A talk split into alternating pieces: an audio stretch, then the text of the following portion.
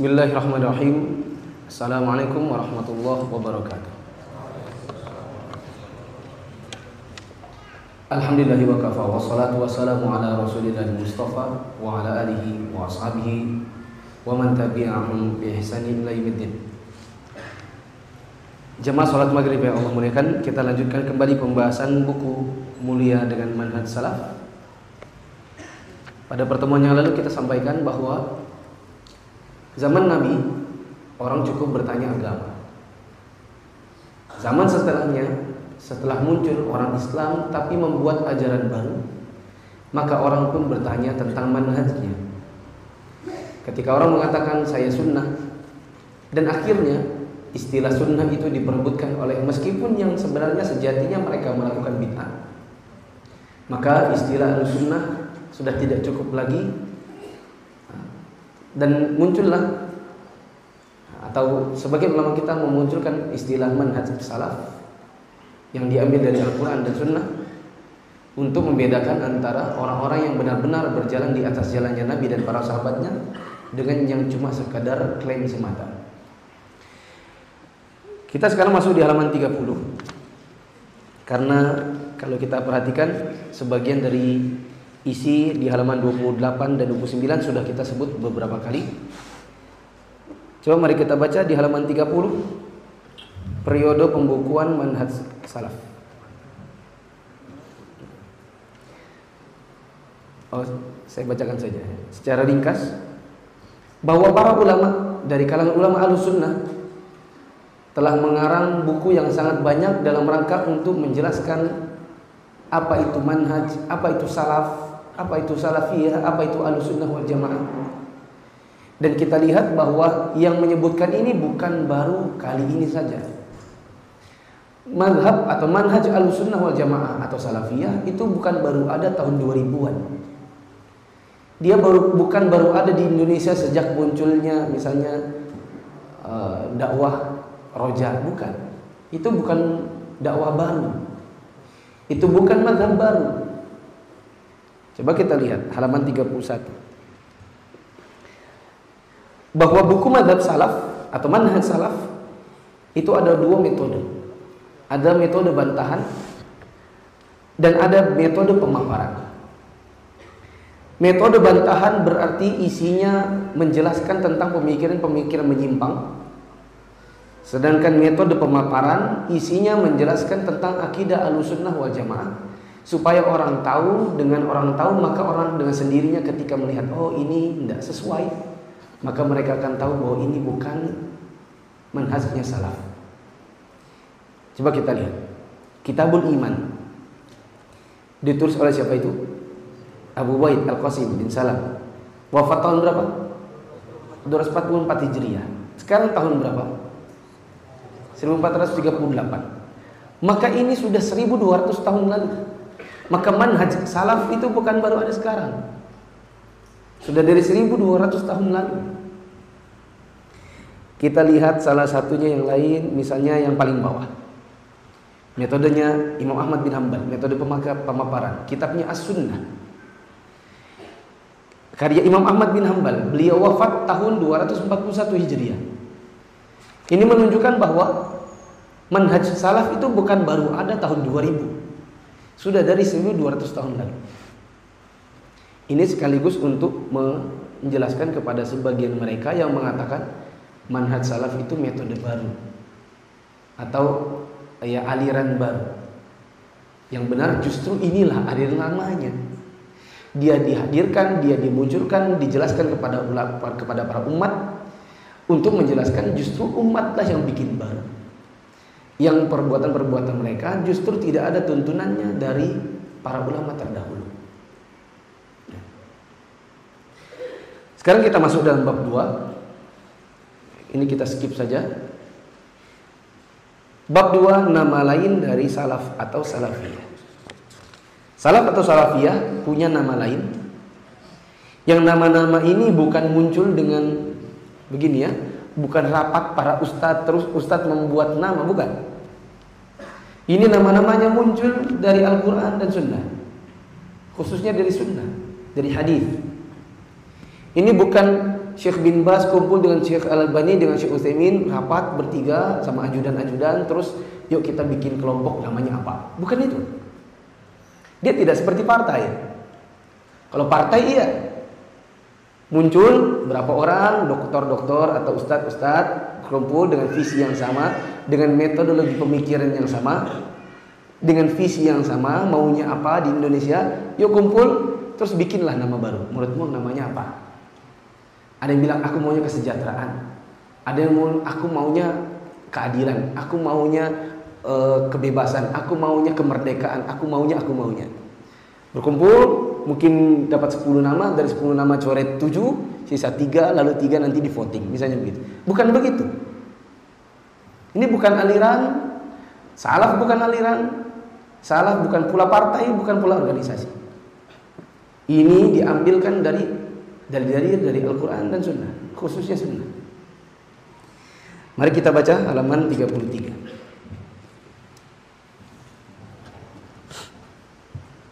Berkata penulis, nama-nama lain dari salaf atau salafiyah.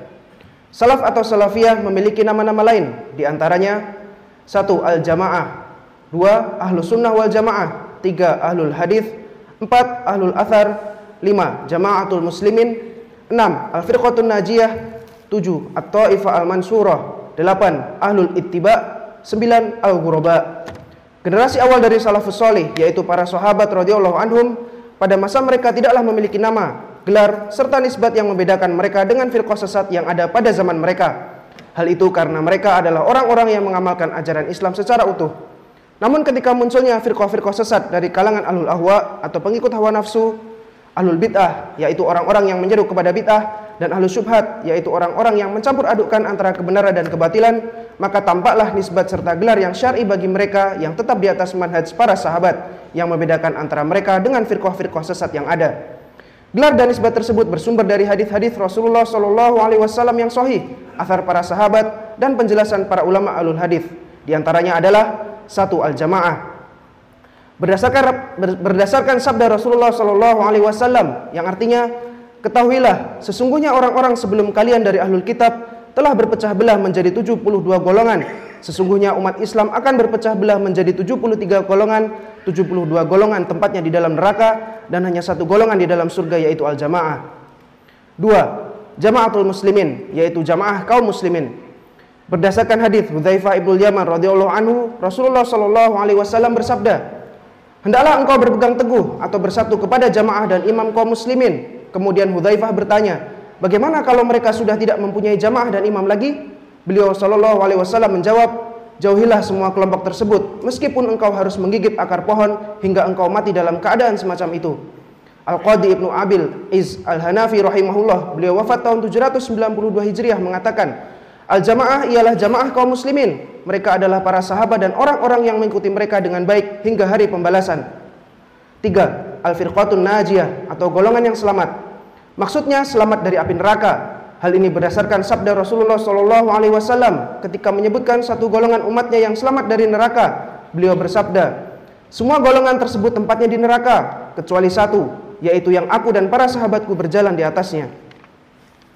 Imam, Imam Al-Ajuri rahimahullah, beliau wafat tahun 360 Hijriah mengatakan, selanjutnya sesungguhnya beliau beliau sallallahu salamu alaih pernah ditanya, siapa yang selamat itu? Maka beliau sallallahu alaihi wasallam menjawab, yang aku dan para sahabatku berjalan di atasnya. Dalam hadis lain beliau menjawab, kelompok yang besar. Dalam hadis yang lain beliau menjawab, satu di dalam surga yaitu al-jamaah. Diriwayatkan dari Yusuf bin Asbat bin Asbat bahwa ia berkata, akar dari bid'ah itu ada empat. Rafidah, Khawarij, Qadariyah, dan Murji'ah. Oh, Bukan Rafidah. Oh. Rafidah. Kemudian tiap-tiap firqah itu bercabang menjadi 18 firqah. Itulah 72 firqah dan firqah ke-73 adalah al-jamaah yang disabdakan oleh Nabi Shallallahu alaihi wasallam bahwa firqah inilah yang selamat. 4. At-Taifah al-Mansurah yaitu golongan yang mendapat pertolongan Allah.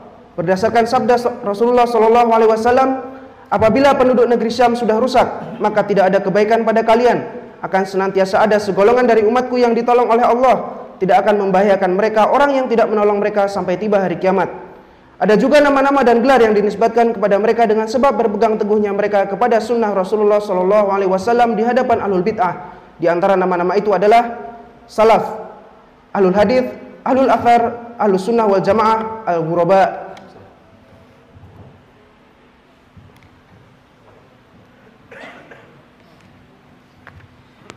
Berikut ini adalah nama-nama lain dari salaf atau salafiyah. Nama lain ini bukan hasil rapat. Nama lain ini bukan hasil kesepakatan manusia. Tapi dia disebutkan oleh para ulama diistimbat dari berbagai hadis. Hadis-hadis yang berkenaan dengan manhaj khususnya. Manhaj kemarin itu apa? Metodologi. Khususnya berkenaan dengan hadis-hadis metodologi. Bukan hadis fikih. Karena hadis-hadis ada sebagian hadis yang ya dia berkenaan dengan fikih. Ini berkenaan dengan keinginan Nabi agar kita mengikuti jalan beliau dan para sahabat. Ada yang disebut dengan al-jamaah. Al-jamaah ini diambilkan dari hadis Nabi SAW tentang perpecahan umat Islam menjadi 73. Kata beliau, wa inna hadhihi al-millata sataftariqu ala 73 firqah. Thintan wa sab'una fi an-nar wa wahidatun fil jannah. Umat ini akan berpecah menjadi 73. Nabi bilang 72 masuk neraka, satu masuk surga. Orang-orang pun bertanya, "Ya Rasulullah, yang mana yang satu masuk surga itu?" Maka Rasulullah mengatakan, "Al-jamaah." Maka ini bukan dari istilah Ustadz Yazid, bukan. Al-jamaah datangnya dari Rasulullah Sallallahu Alaihi Wasallam. Siapa itu? Orang yang kata Nabi Sallallahu Alaihi Wasallam masuk surga di antara pecahan-pecahannya umat Islam. Namanya apa? Al-jamaah. Ada yang namanya jamaatul muslimin. Maksudnya ada nama lain yaitu jamaatul muslimin. Ini berdasarkan hadisnya Nabi. Bukan lagi-lagi bukan hasil rapat para ustaz. Kata Rasulullah sallallahu alaihi wasallam, "Taljamu talzamu jama'atal muslimin wa imamahum." Hendaklah kalian berpegang teguh kepada persatuan jamaah kaum muslimin. Yaitu pada saat terjadinya fitnah. Pada saat terjadinya perpecahan umat di mana satu dengan yang lainnya berebutan kekuasaan. Ada yang disebut dengan Al-Firqatun Najiyah. Ini judul buku yang kita bahas dulu di Nomiro. Disebut dengan Al-Firqatun Najiyah karena Al-Firqah itu artinya kelompok, An-Najiyah artinya yang selamat. Karena dalam hadis Rasulullah SAW tentang perpecahan menjadi 73 tadi, Nabi bilang 72 masuk masuk apa? Neraka. Dan berapa yang masuk surga? hanya satu. Berarti mereka lah yang najiyah di antara 73 itu. Disebut dengan al-firqah an-najiyah. Karena Rasulullah SAW mengatakan sataftariqu ummati ala thalathin wa sab'ina firqah umatku ini menjadi terpecah menjadi 73 73 apa firqah Tulul 72 tempatnya di neraka Satu tempatnya di surga Berarti ada firqah yang lolos masuk surga. Mereka lah yang najiyah. Mereka lah yang lulus, sukses masuk ke dalam surga. Itu nama lainnya salaf yang ketiga. Ada nama yang lain namanya At-Taifah Al-Mansurah. Inilah nama yayasannya Masjid Nasari. Itu nama dapat dari mana? Apakah kesepakatan Ustaz Abdurrahman dan kawan-kawan dulu di tahun 2000-an? Bukan. Itu ya kalau untuk menamakan yayasannya iya. Tapi nama itu sendiri diistimbat dari hadis Nabi sallallahu alaihi wasallam, "La tazalu ta'ifatun min ummati zahirina 'ala al-haq, la yadurruhum man khadalahum hatta ya'ti amrullah wa hum wa hum 'ala dhalik." Kata Rasulullah sallallahu alaihi wasallam, akan ada senantiasa sekelompok orang di kalangan umatku. Kenapa mereka? Mereka adalah orang-orang yang senantiasa berada di atas kebenaran. Meskipun dicela, tapi celaan itu tidak memudaratkan mereka sampai datangnya hari kiamat. Kata Nabi, La tazalu ta'ifatun. La tazalu ta'ifatun ada sekelompok orang. Itulah asalnya dari ta'ifah. Ya. Al-mansurah dari mana? Dari perkataan Nabi sallallahu alaihi wasallam, la yadhurru man khazalahu. Tidak ada yang bisa memudaratkan memudaratkan mereka, mencelakakan mereka. Ya. Apakah yang mencela atau yang ingin mencelakakan itu karena Allah menolong mereka. Mansur Allah yang tolong mereka hingga mereka senantiasa berada di atas kebenaran. Inilah asal dari kata at-taifah apa tadi? At-taifah apa? Al-mansurah. Ada kata salaf. Siapa yang tahu? Saya beri buku. Hadiah buku. Dapat dari mana kata salaf? Hmm. Hadis apa? Hadisnya nggak hafal. Tapi harus tahu artinya, tidak apa-apa. Apa katanya?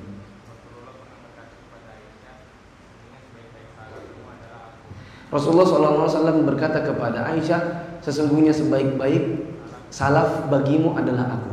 Betul atau tidak? Salah. Yang benar kepada Fatimah, bukan pada Aisyah. Rasulullah bilang kepada Fatimah, sesungguhnya sebaik-baik salaf adalah aku. Ini dari perkataan Nabi. Salaf itu maksudnya siapa? Pendahulu di dalam umat Islam yang harus dicontoh. Ahlul hadis ya, ini berdasarkan istimbat para ulama bahwa orang-orang yang senantiasa berpegang teguh kepada hadis-hadis Nabi SAW mereka lah al-jamaah. Nabi SAW bilang Kata Nabi apa? Ketika ditanya, "Ya Rasulullah, siapakah yang masuk surga yang satu dari 73 itu?" Nabi SAW menjawab, "Ma ana alaihi wa ashabi." Yaitu kelompok orang yang mereka senantiasa berjalan di atas jalanku dan para sahabatku. Pertanyaan, kita tahu jalannya Nabi dari mana? Pilih A. Berita TV B. Koran C. Kitab hadis yang mana? Berarti ahlul hadis. Kalau antum mau menjadi orang yang selamat, maka bacaannya bukan koran, share-sharannya di WA, bukan koran, bukan pula berita TV, tetapi men-share hadis, men-share sunnah-sunnah Nabi. Berikut juga al-sunnah wal jamaah dan al-ghuraba, al-sunnah wal jamaah, maka ini adalah dari kata al-sunnah, sunnah, ya, orang-orang yang berjalan di atasnya sunnah Nabi, al jamaah dapatnya dari yang tadi yang nomor satu tinggal digabung saja. Dan yang terakhir adalah berdasarkan eh, yang terakhir namanya adalah al ghuraba al ghuraba itu artinya orang-orang yang asing. Siapa yang tahu saya beri buku hadisnya. Hmm. tapi nggak hafal hadisnya. Tak kasih covernya aja. Apa katanya Indonesia-nya?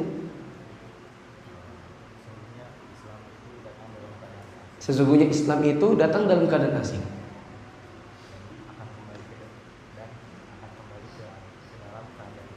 Dan akan berakhir di hari kiamat dalam keadaan asing. Terus? Maka beruntunglah orang-orang yang asing. Nanti setelah pulang, setelah kajian, ikut saya. Dapat buku. Yang tahu bahasa Arabnya, dapat buku dua. Nah.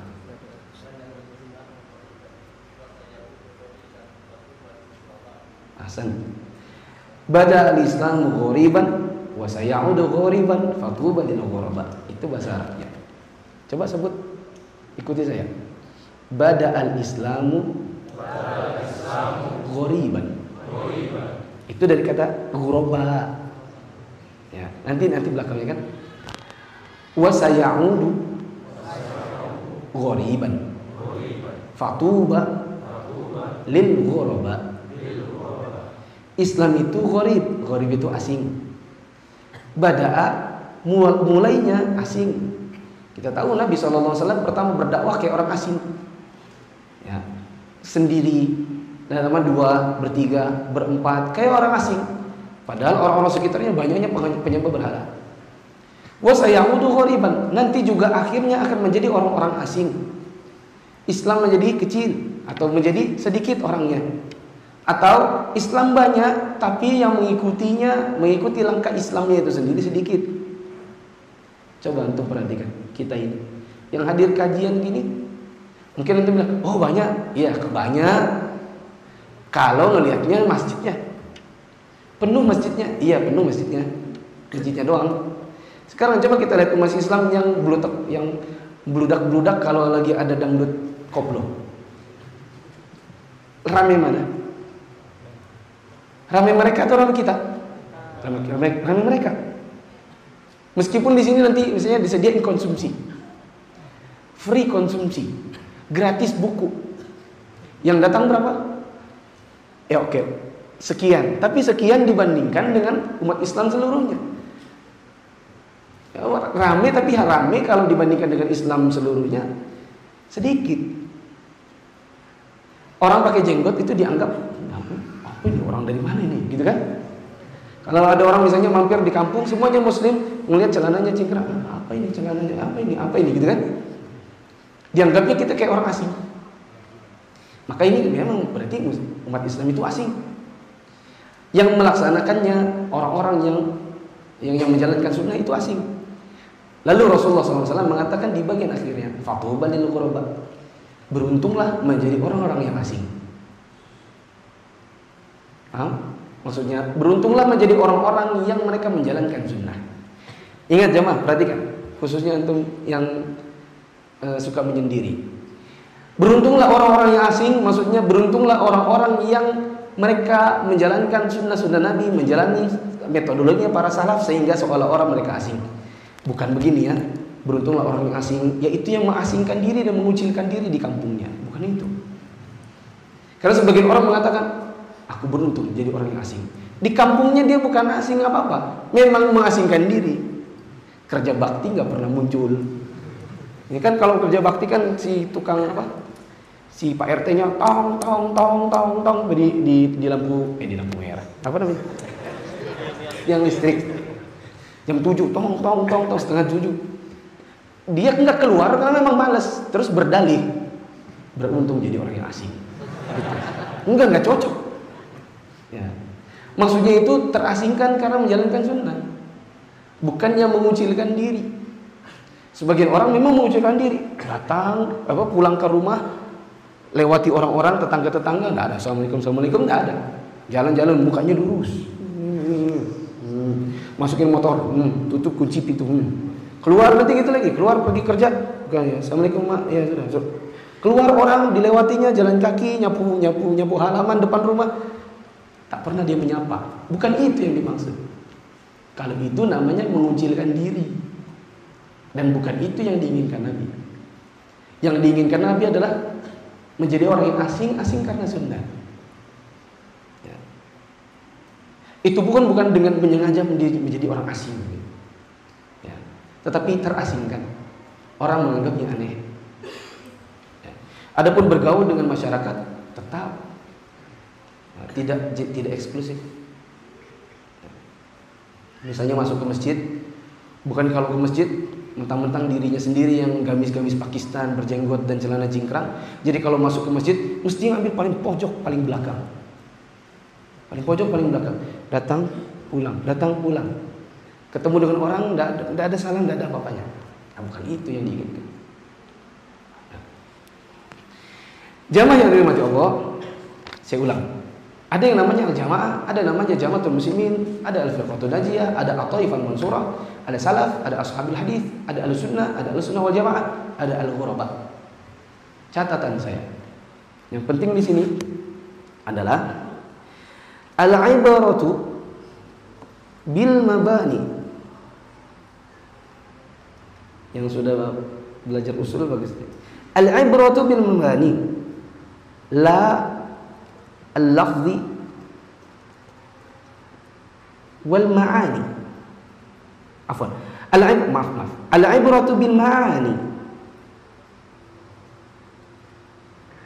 lal lafzi wal mabani yang menjadi tolak ukur itu bukanlah penamaan. Coba sebut dulu. Al ibratu bil ma'ani. Lal lafzi wal mabani. Nah, bagaimana tulisannya? Tulisannya itu A L I al ibratu bil ma'ani lal lafzi wal mabani maknanya standar penilaian itu dari makna dan hakikat bukan dari penamaan dan nafas Catatan saya jamaah yang mati Allah, ada orang bilang namanya al-jamaah.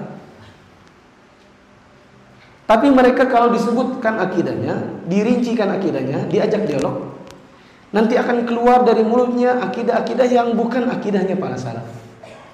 Tapi mereka namakan diri mereka al-jamaah. Tapi kalau kita dengarkan pengajiannya, bukan pengajian al-jamaah.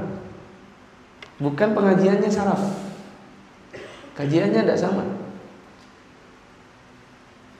Misalnya pemerintah negeri ini begitu juga para pengikut-pengikut mereka di bawah mereka mereka bukanlah orang-orang yang berhak ditaati karena mereka berhukum dengan bukan hukum syariat Islam maka mereka sebagian dari mereka mengatakan kafir mutlak ya. tapi namanya al-jamaah padahal kita tahu nama al-jamaah itu adalah nama lain dari apa tadi salaf Misalnya mereka menamakan kami Islam jamaah.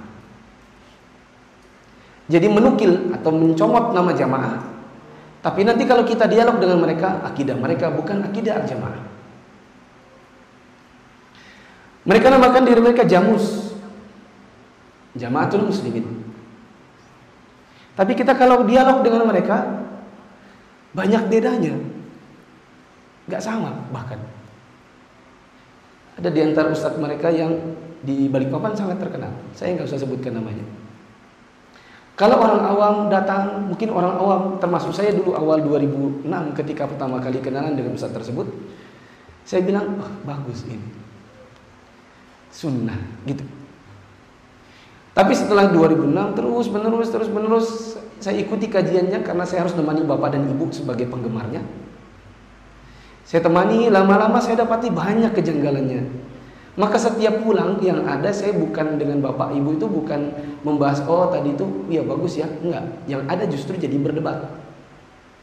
Saya bilang pak itu bukan kajian sunnah itu. Oh, tapi namanya jamaah kaum muslimin. Mau jamaah namanya jamaah kaum muslimin kamu namanya apa kamu namanya apakah? Yang kita lihat dari hakikat pelajarannya. Ya. Mungkin antum sering dengar beberapa kali lah minimal. Kalau sering ikut kajian saya, saya sering contohkan. Saya pernah berdebat dengan seorang ustadz senior di Balikpapan. Berdebat di majelis beliau. Karena beliau mengatakan orang yang mati mencuri dan mati berzina maka dia mati kafir. Mati ber, berarti berjudi, mati berzina, mati minum khamar, ya, maka semua mati kafir. Saya katakan itu akidah akidah khawarij. Dan saya sebut di depan Ustaz, itu Ustaz afwan akidah akidah khawarij. Bukan akidah salaf, bukan akidahnya Ahlussunnah. Karena kalau akidah Ahlussunnah, Ahlussunnah mengatakan orang yang mati dalam keadaan dosa besar, maka dia berada di bawah kehendak Allah. Kalau Allah mau adab, Allah adab. Bila Allah ampuni, maka Allah ampuni. Saya ceritakan lebih lengkapnya begini. Mungkin ada yang belum pernah dengar. Dulu 2006 Bapak Ibu saya sering kajian Ustadz tersebut. Saya diajaklah sama orang tua karena saya dulu di sini Ustadz Abdurrahman pun saya belum kenal. Masjid Nasa ini belum ada. Mungkin nanti mungkin masih main kelereng kali kata ya. Bapak Ibu saya tanya, ayo kita kajian yuk, ayo pergilah. Pertemuan perdana, oh, bagus juga ini. Sunnah, apa? Oh, hadis, Al-Quran, hadis, Al-Quran, hadis. Iya iya juga. Pertemuan kedua masih oke. Okay. Pertemuan ketiga kok ada yang aneh ya? Empat, lima, enam. Seiring waktu saya bertemulah dengan Ustadz Abdurrahman. Saya tanya, Ustadz kenal Ustadz Fulan? Oh kenal. Saya sudah sering berdebat sama beliau. Ah, Apa Ustaz yang didapatkan? Ya saya sering nasihati kalau kajian misalnya ibu-ibu itu kalau ngomong sayangku sayangku. Ya ibu sayangku silakan mau bertanya sayangku. Saya bilang jangan ngomong begitu. Karena itu jadi fitnah. Perhubungan antara laki dan perempuan yang harusnya ada batasan. Ya.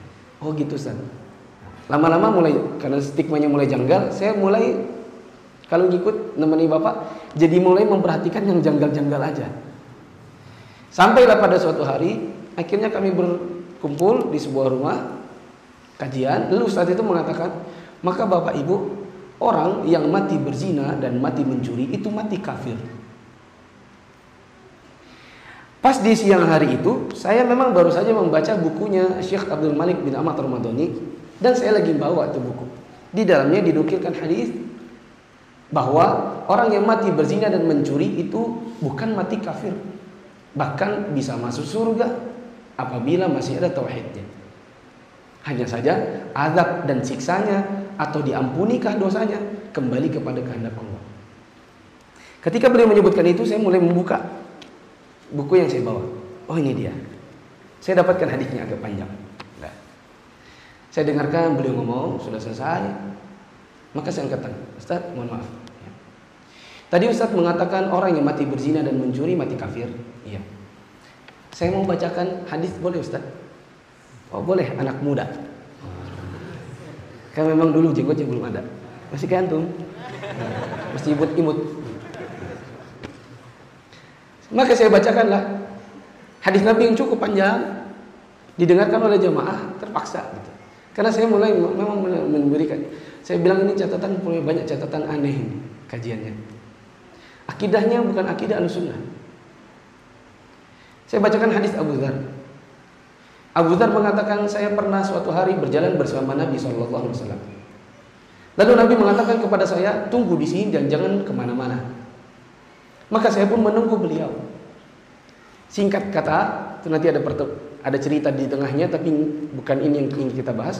Nabi SAW pergi ke sebuah tempat dan Abu Dhar mendengar dari jauh ada suara seperti suara suara menggelegar. Abu Dhar bilang, Aku ingin menyusul Nabi. Hanya saja tidak kulakukan karena aku lebih menuruti perintah Nabi daripada keinginanku sendiri. Nabi bilang, tunggu sini jangan ke mana-mana. Sedangkan keinginanku menyusul beliau, saya khawatir ada apa-apa. Aku dahulukan perintah Nabi dibandingkan keinginanku sendiri. Tidak lama kemudian Nabi kembali. Lalu aku pun bertanya, ada apa yang terjadi di sana? Maka Rasulullah SAW mengatakan, Wahai Abu Dhar, tadi Jibril datang kepadaku dan berkata, Wahai Muhammad, sesungguhnya siapa pun dari umatmu, umat Islam yang tidak, siapa pun dari umatmu, umat Islam, maka ya, apa? Siapa pun dari umatmu, umat Islam yang tidak menyekutukan Allah dengan sesuatu apa pun, kuningi itu yang tidak menyekutukan Allah dengan sesuatu apa pun. Yang berarti masih ada tauhidnya. Yang tidak berbuat syirik. Nabi bilang siapa pun dari umat-umat Islam yang tidak menyekutukan Allah dengan sesuatu apa pun pasti masuk surga meskipun berzina dan mencuri. Pasti masuk surga meskipun berzina dan mencuri sampai sini Pak maka Abu Dhar protes ya Rasulullah Berzina dan mencuri. Kenapa emangnya? Berzina dan mencuri masuk surga? Iya, meskipun berzina dan mencuri. Ya Rasulullah, ngawur ah. Berzina dan mencuri masuk masuk surga. Meskipun berzina dan mencuri, kata Nabi. Diulang oleh Abu Hurairah yang ketiga kali. Ya Rasulullah, masa ada orang mati berzina dan mencuri? Masa, masa ada orang berzina dan mencuri masuk surga? Maka Nabi SAW menjawab, Meskipun dia berzina dan mencuri dan meskipun Abu Dhar gak suka. Berhentilah saya membaca hadis itu kepada kehadapan Ustaz itu. Ustaz, hadis ini disebutkan oleh para ulama kita ada yang namanya dosa kafir. Kafir dibagi dua, kafir akbar, kafir asgor. Kafir akbar ini keluar dari Islam. Dianggap murtad, tempatnya neraka selama-lamanya. Ada kufur asgor. Misalnya kufur nikmat, mengingkari nikmat. Ada kufur asgar, orangnya muslim berdosa. Ada namanya bid'ah. Bid'ah ada yang bid'ah mukafir, ada yang ghair mukafir. Ada yang bid'ah yang membuat pelakunya menjadi keluar dari Islam seperti bid'ah menyembah kubur. Membuat pelakunya murtad. Ada yang ghair mukafir, yang pelakunya tetap muslim tapi berdosa karena mengerjakan bid'ah. Seperti misalnya eh, banyak bid'ah-bid'ah yang dikerja yang dikerjakan kaum muslimin khususnya dalam masalah sholat misalnya. Ya. Ada yang namanya dosa, maksiat. Dosa besar, dosa kecil. Dosa besar misalnya zina. Dosa kecil misalnya apa dosa kecil? Hah? Eh, dosa kecil. Ada kufur besar, ada kufur kecil. Ada bid'ah mukafir, ghair mukafir. Ada maksiat, dosa besar, ada dosa kecil. Ustaz, kalau seandainya semua terus dibilang siapa yang berzina mencuri mati masuk surga, kalau begitu Anda letakkan dia di mana?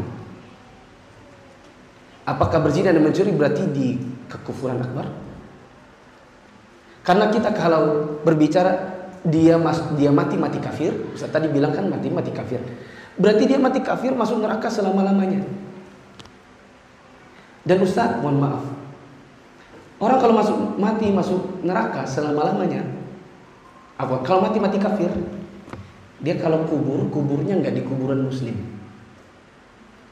Dia kuburnya kuburan Cina kah atau di di hutan kah tanam gitu aja, nggak pakai sholat, nggak disolatkan. Orang kafir tidak mewarisi orang muslim. Jadi kalau dia punya harta nggak ada warisan. Ini kalau kita sebutkan di masyarakat, misalnya ada orang mati bunuh diri, atau ada orang mati berzina. Kita terapkan ini, Berarti dia tidak disolatkan, tidak dikuburkan dari pemakaman kaum muslimin, tidak ada harta warisan dibagi darinya. Ini permasalahan berat Ustaz. Maka Ustaz itu mengatakan, saya ingat sekali beliau mengatakan, mau ibu-ibu mungkin ada yang bisa bantu saya? Adalah ibu yang menyahut. Ya. Ibu Amoria. Mungkin antum pernah dengar Ustaz Amoria. Kayaknya jelas Ustaz, Ustaz hadisnya itu. Justru memper, yang diminta bantuan justru memperkuat apa yang saya maksud. Kayaknya sudah jelas hadisnya itu. Ya. Dan jamaah yang dirahmati Allah, keyakinan bahwa orang yang mati berdosa, mati kafir adalah keyakinan khawarij. Justru itu akidah menyimpang justrunya. Ya. Maka saya katakan, hakikat penilaian sesuatu standarnya bukan dari nama. Bukan ini masih oh masjid al jamaah berarti ini pasti sunnah. Enggak belum tentu. Oh ini anu ustadznya pimpinan da, organisasi namanya Jamaah Muslimin. Pasti sunnah. Oh belum tentu. Pasti akidahnya lurus. Belum tentu. Bisa jadi justru menyimpang meskipun namanya comot. Meskipun namanya ngambil dari nama-nama ini. Nah. Mohon maaf jemaah yang Allah, saya harus ceritakan karena kalau tidak nanti kita nggak tahu. Kata para ulama, bil mithal yattadihul maqam. Kalau ada contoh, nanti pembicaraan jadi jelas. Dan saya tidak menyebutkan namanya. Saya tidak menyebutkan nama ustadznya, tapi saya memberi contoh, ada sebagian dai yang punya nama-nama nama asalafiyah, tapi ke akidah, akidah jauh dari dari akidah salafiyah. Wallahu a'lam bishawab. Begitu juga kita apabila kita ingin menamakan diri kita misalnya at-Taifah al-Mansurah, kita mau bikin yayasan namanya Yayasan Al Firqatul Najiyah kah atau Ifal Mansur kah? Mau bikin nama masjid Masjid Al Sunnah wal Jamaah. Saya katakan jangan cuma sekedar nama. Karena apalah artinya apalah artinya nama kalau ternyata nama tak sama dengan hakikatnya. Sebagaimana manusia ada yang namanya Muhammad tapi preman. Sementara kita tahu Muhammad itu artinya apa? Yang terpuji, yang banyak dipuji. Apakah preman itu dipuji? Enggak, dia disumpahi. Walaupun namanya Muhammad. Maka apalah nama arti nama Muhammad kalau kemudian sifat tak mencerminkan namanya. Ya. Allah alam Nanti ketika kita membahas bahas bab-bab berikutnya, kita akan semakin tahu ini loh namanya salaf. Begini ini yang namanya orang yang bisa dinamakan al-sunnah wal jamaah. Harus beginilah orang yang bisa dikatakan Al-Taif Al-Mansur. Sehingga kalau nanti dia tidak ikuti standar-standar itu, meskipun namanya nama nama satu dari sembilan tadi, maka tak ada manfaatnya. Mari kita lihat, eh, kita baca 1 sampai 6. Ini bukan ciri-ciri, karena ciri-ciri nanti ada babnya khusus, meskipun sebagian ciri-ciri disebutkan dalam poin berikut ini. Coba dibaca.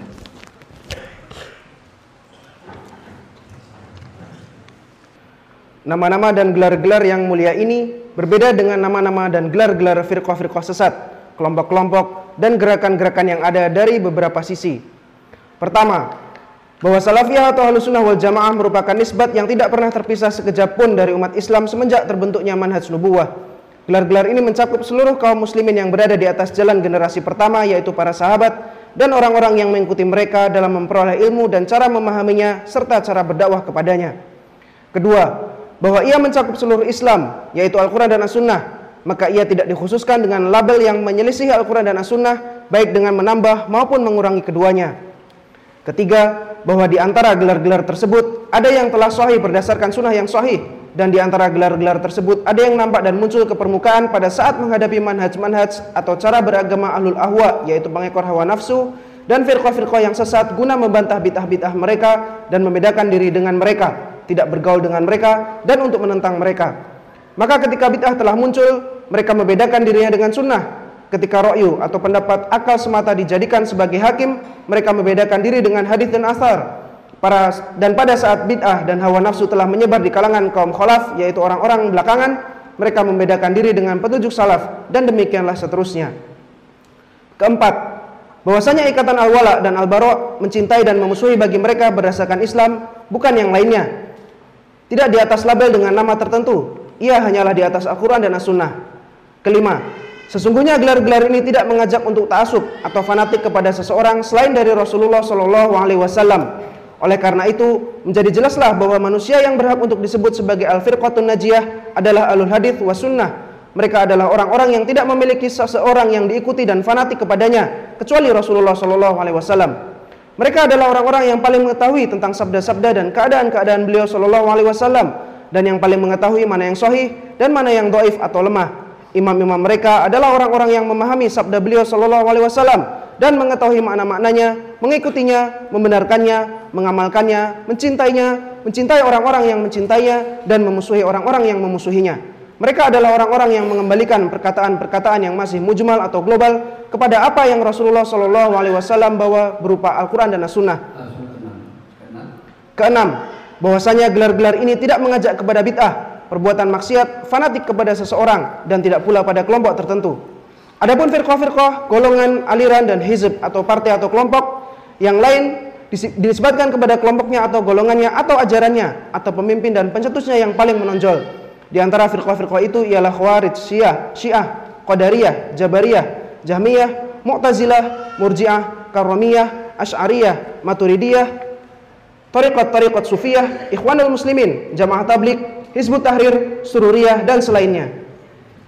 Berkenaan dengan nama-nama tadi 1 sampai 9, nama Ahlussunnah atau Salafiyah itu adalah nama yang tidak pernah terpisah dari manhajnya Nabi. Kenapa? Karena nisbat dari salafiyah adalah kepada siapa? Kepada siapa jemaah? Oh, antum nggak paham maksud saya. Pertanyaannya juga paham. E, kemarin kita bilang manhaj salaf. Manhaj itu apa? Itu dulu. Salaf itu apa? Pendahulu. Siapa mereka? Para sahabat. Tabiin, tabi tabiin. Sahabat ketemu dengan Nabi ketemu. Ini maksudnya. Manhaj salaf tidak bisa dipisahkan dari manhajnya Nabi. Karena para salaf yaitu sahabat Nabi, mereka murid langsung Nabi. Ada orang bilang gini, kenapa anda Muhammad aja sudah? Daripada jadi salafiyah, kenapa anda jadi Muhammadiyah? Kenapa juga harus sama sahabat? Paham gak?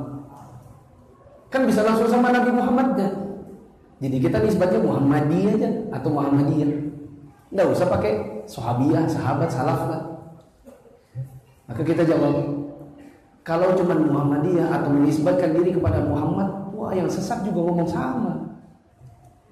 Tarekat sufi yang punya kegiatan-kegiatan yang bah di kubur, mereka juga bilang mereka umat Muhammad.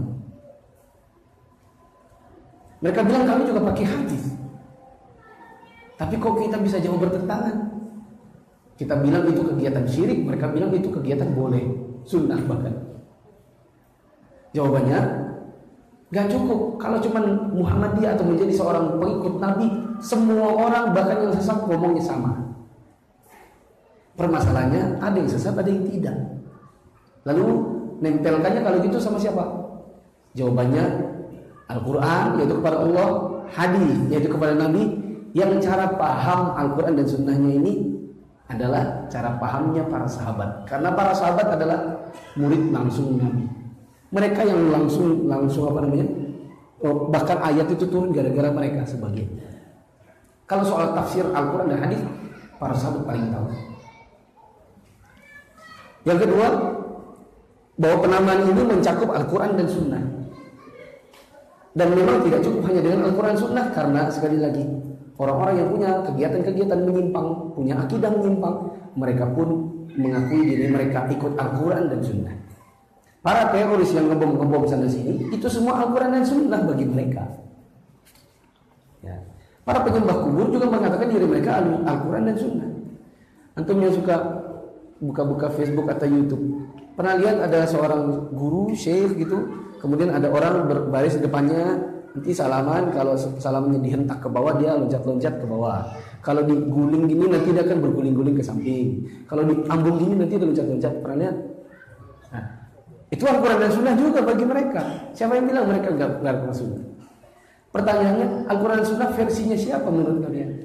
Karena kita tidak pernah temukan ada di kitab-kitab fikih ada kegiatan ibadah namanya meloncatkan diri ketika disalam atau mengguling atau menggulung atau mencicak, mencacing dan semacamnya. Ya, yaitu guling-guling yang model-model mereka. Ya. Saya katakan orang, orang yang juga sama orang yang juga sesat mereka juga bilang mereka Al-Quran dan Sunnah. Ketiga, bahwa gelar-gelar tersebut itu sahih dari sunnah yang sahih. Ya, bukan bukan diambil dari hasil rapat. Yang keempat, bahwa ikatan al-wala wal baroknya cinta sesama mereka, benci di antara mereka itu dibangun di atas Al-Qur'an dan Sunnah. Perhatikan jemaah. Insya Allah nanti akan lebih didetailkan pada babnya, tapi saya mau sedikit sampaikan. Seorang yang mengatakan diri mereka ahlu sunnah wal jamaah, cintanya dibangun satu sama yang lain karena faktor agama. Begitu juga bencinya karena faktor agama. Saya cinta sama si ini karena si ini sholat lima waktu. Saya cinta sama dia karena dia senang duduk di majelis ilmu paling depan. Saya senang kepada dia karena akhlaknya baik. Semua dibangun kecintaan itu atas dibangun di atas agama, Al-Quran dan Sunnah. Begitu juga manakala misalnya sama-sama akrab, tidak lama yang satu menyimpang akhirnya, maka dibilang saya sudah tidak cinta kepadamu karena kamu menyimpang. Yang satu murtad, meskipun dia kakak kandungnya, dia bilang kita meskipun dari dari rahim yang sama, tapi untuk urusan cinta mencintai yang cinta betulan itu tidak sudah tidak bisa lagi karena kau bukan lagi pengikut eh, kita tidak lagi dibangun di atas agama. Maka tidak ada kecintaan kalau soal harta. Aku senang sama ini. Kenapa? Ini kalau ke mana-mana traktir terus. Itu kecintaan dibangun bukan di atas agama. Ya.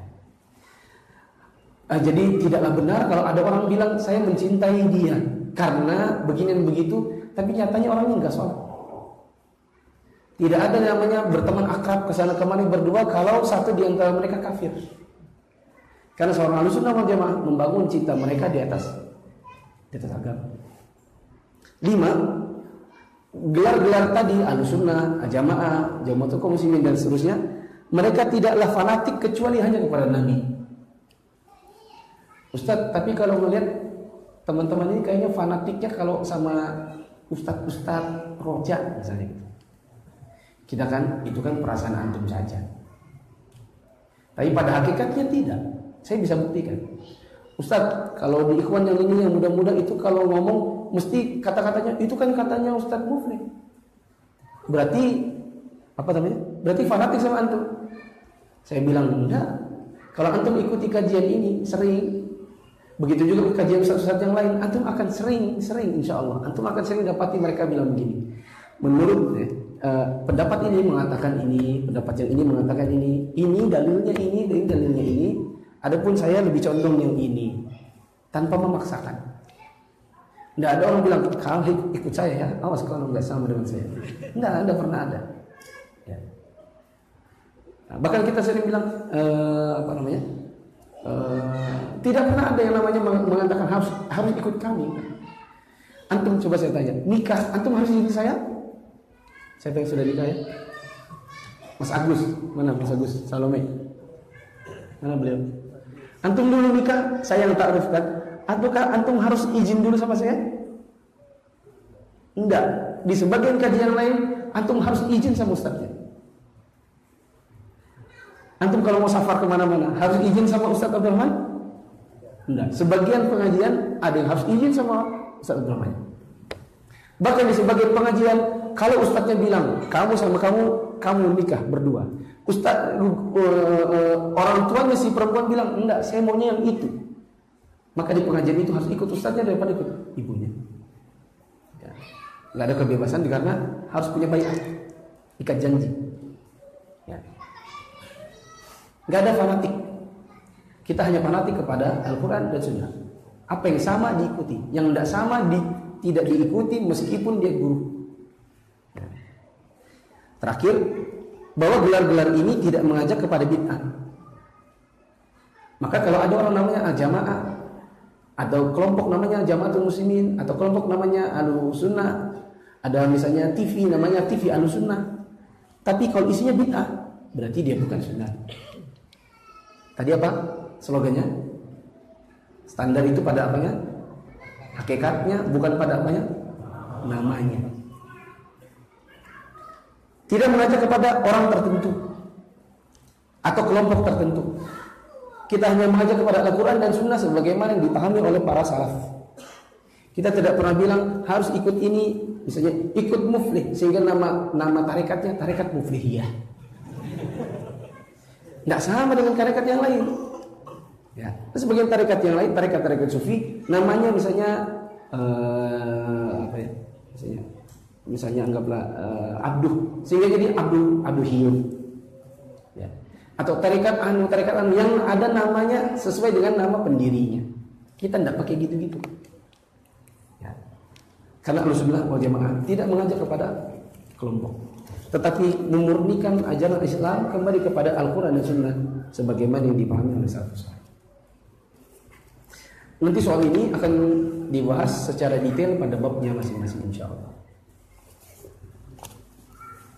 Ustaz mau tanya, gimana dengan akidahnya Syekh Ali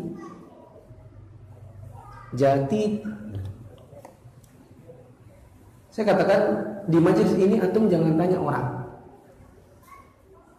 Jangan terus gini. Gimana Ustaz Anu? Gimana akidahnya Anu? Dengan nama-nama individu. Saya tidak mau karena satu. Orang menyimpang kadang-kadang bisa kembali kepada hidayah karena Allah berikan. Dan bisa jadi di antara kita termasuk yang duduk di meja, di meja ini sekarang merasa di atas hidayah, kita tidak tahu kapan bisa bisa jadi orang yang sesat. Karena hidayah itu di tangan Allah. Bisa terbolak-balik. Ada orang yang saat ini dia merasa dirinya yang paling soleh. Tidak tahu dua tahun ke depan rupanya dia jauh dari agama. Ada orang yang justru terhina. Sekarang jadi orang hina karena maksiatnya Allah berikan hidayah di tahun-tahun mendatang dia justru jadi seorang muslim. Maka jangan tanya dengan gaya nama. Dua, tugas saya adalah memberikan antum standar inilah namanya al-sunnah, ini yang namanya bukan al-sunnah. Nanti kalau antum bertemu dengan tokoh, ada guru anu, ada ustaz anu, ada kiai anu, tidak perlu lagi bertanya kalau ustadz ini bagaimana, ustadz ini bagaimana. Antum tinggal cocokkan akidahnya dia samakah dengan akidah Rasulullah. Begitu saja. Kita dapati banyak tokoh di Indonesia ini, mereka yang terkenal dari media sosial, ya. Mereka terkenal, orang mengira mereka adalah al-sunnah, atau yang sering punya jargon Quran sunnah, tapi nanti ketika dicocokkan dengan akidah al-sunnah, akidah mereka tak, tidak sama. Ya. Maka jangan tanya nama, Tapi antum cocokkan saja orangnya dengan akidah sunnah wal itu bagaimana. Kalau cocok maka dia sunnah, bila tidak maka tidak. Ustaz bagaimana cara saya tahu akidahnya? Ya berarti antum harus ikut dulu kajiannya. Antum harus ikut nih angka-angkanya. Satu, dua, tiga, empat, satu sama satu kalau digandeng jadi sebelas, dua sama dua jadi dua puluh dua, sebelas kali sebelas jadi seratus dua puluh satu, Nah, kalau dibagi jadi bagaimana, ini jadi bagaimana, nanti kalau akhirnya jadi EE, e, eh, kalau bikin jembatan bagaimana. Antum pelajari semua rumus-rumusnya, supaya nanti bisa cari sendiri jawabannya.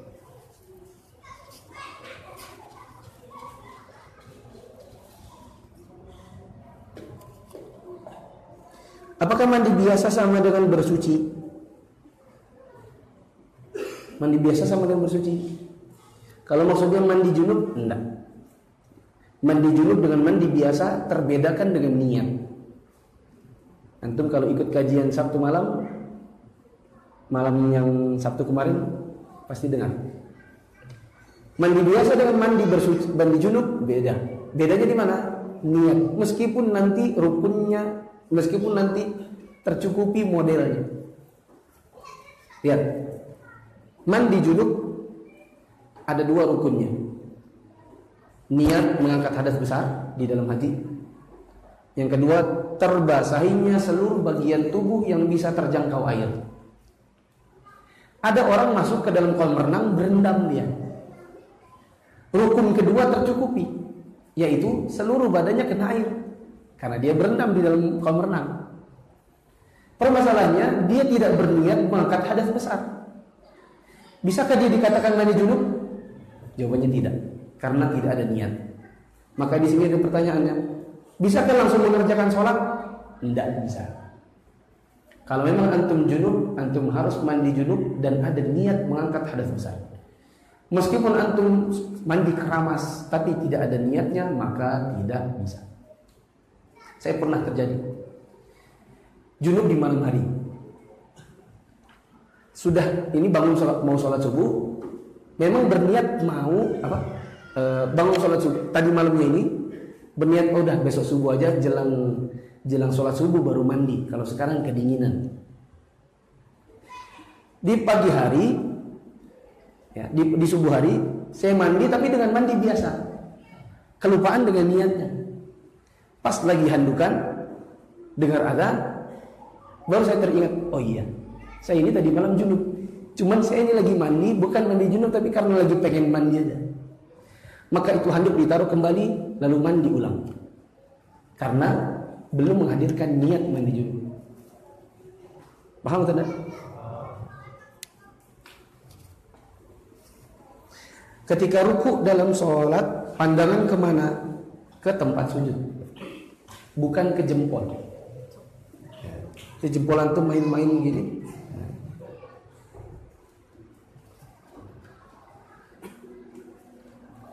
Meninggal dalam keadaan kafir akbar masuk neraka kekal di dalamnya. Bagaimana dengan yang meninggal sebelum atau dalam keadaan makan riba?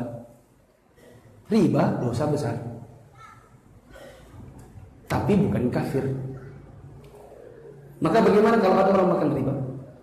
Jawabannya dia mati dalam keadaan mati masih ada ribanya atau mati masih jadi rentenir. Berarti dia mati dalam keadaan dosa besar.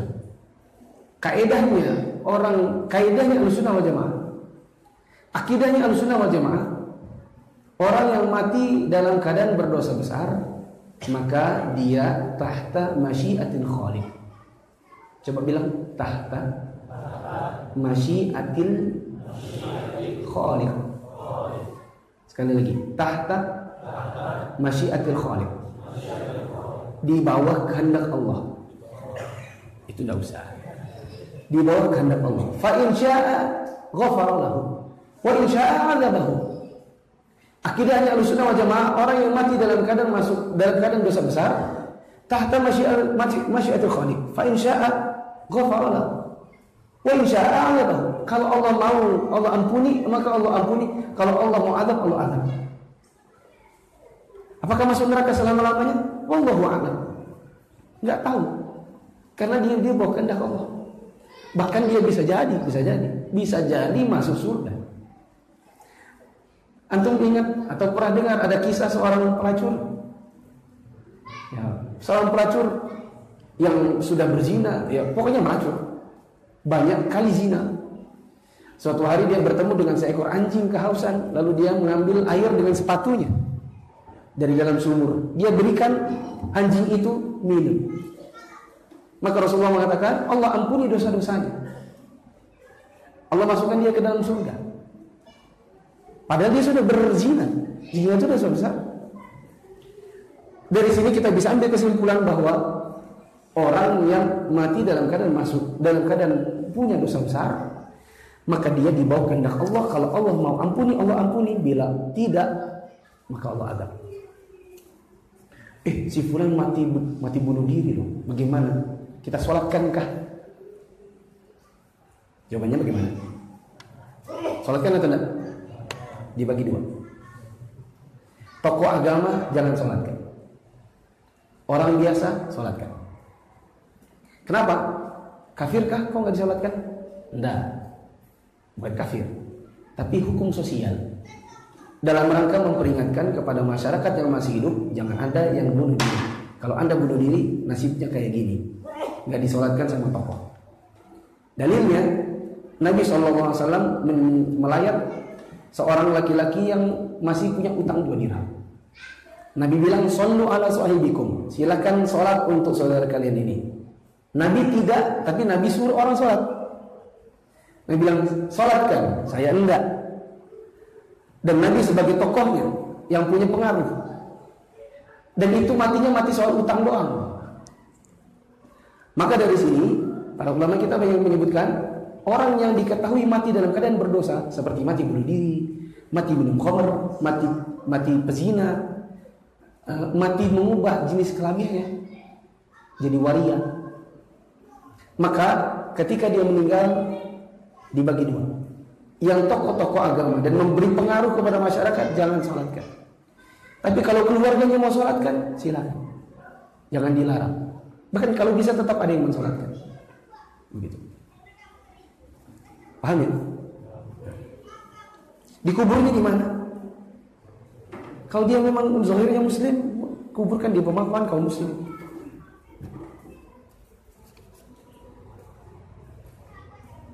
Ada ini aja dulu.